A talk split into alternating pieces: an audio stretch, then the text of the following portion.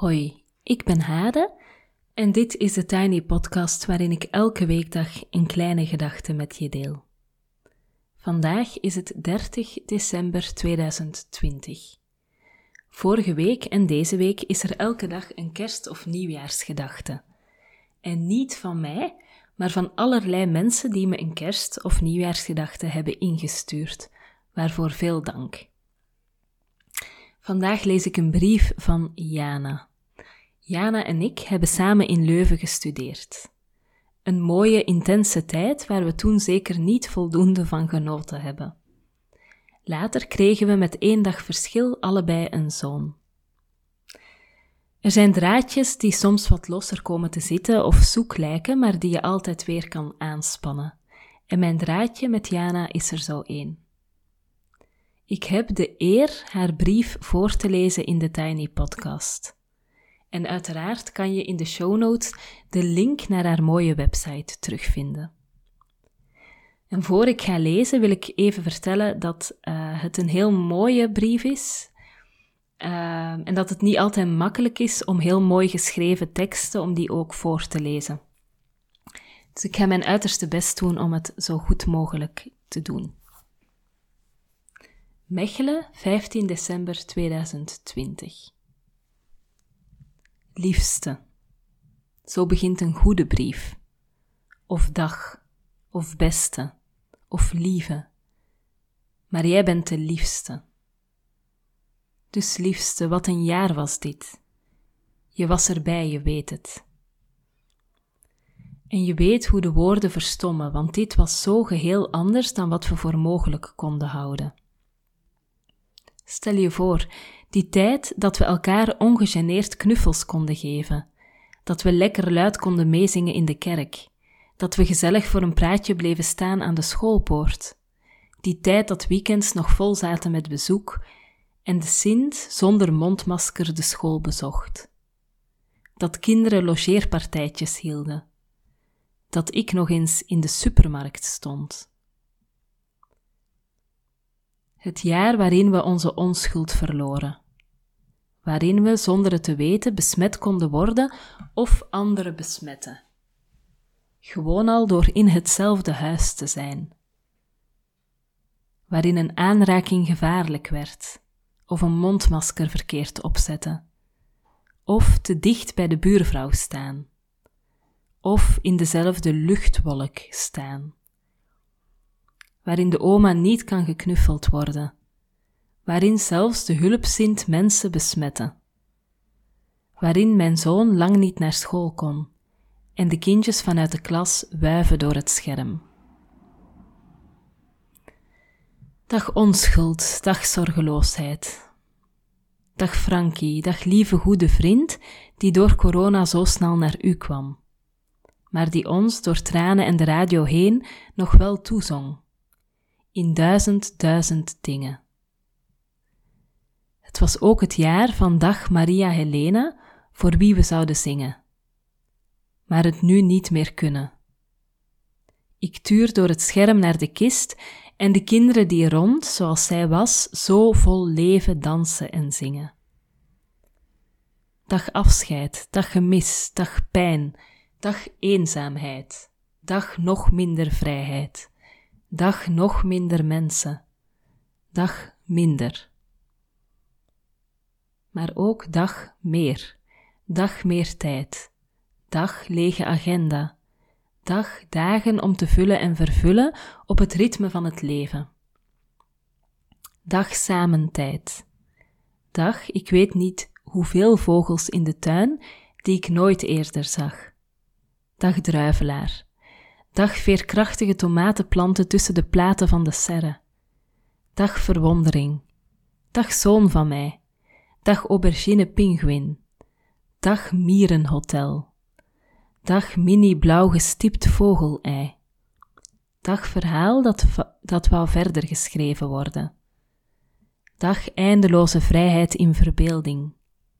Dag inkt en kleur. Dag spelletjes die weer ogen doen blinken. Dag buurvrouw die door haar raam de wereld omarmt. Dag uw geschenken alsof het manna regende. Dag intuïtie. Dag een beetje meer durf. Maar ook dag kwetsbaarheid. Wat ben ik blij dat we alle verlost zijn van de illusie die maakbaarheid is. Leven de lege agenda's, leven het niet helemaal maakbare. Lang leven het besef om onze kwetsbaarheid, van mij, van ons, van iedereen. Eindelijk, we zijn niet maakbaar, we zijn niet perfect, we zijn niet planbaar in doelen en subdoelen.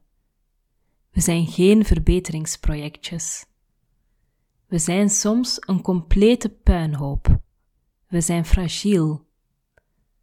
Eindelijk. Dag kwetsbaarheid, oude vriend, zichtbaar nu voor iedereen. Liefste, ook een oude vriend van jou, hè? Mag ik een beetje van jullie vriendschap leren? Dat kwetsbaarheid, collectieve kwetsbaarheid, ons mag openen. Van echt zorgen voor elkaar.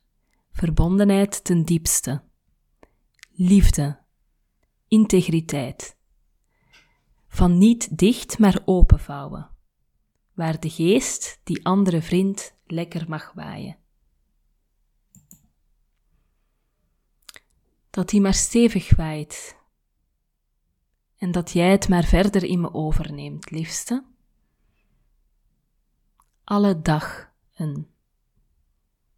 Je kapoen, Jana.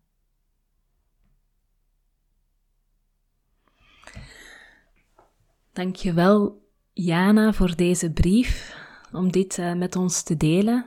Um, ja, het resoneert heel erg bij mij, omdat um, ja, het niet maakbare, het kwetsbare, het fragiele is voor mij ook echt een realiteit waartoe ik mij permanent verhoud in een wereld die permanent leek te ontkennen dat die realiteit er is, of die leek te zeggen dat die realiteit een keuze is.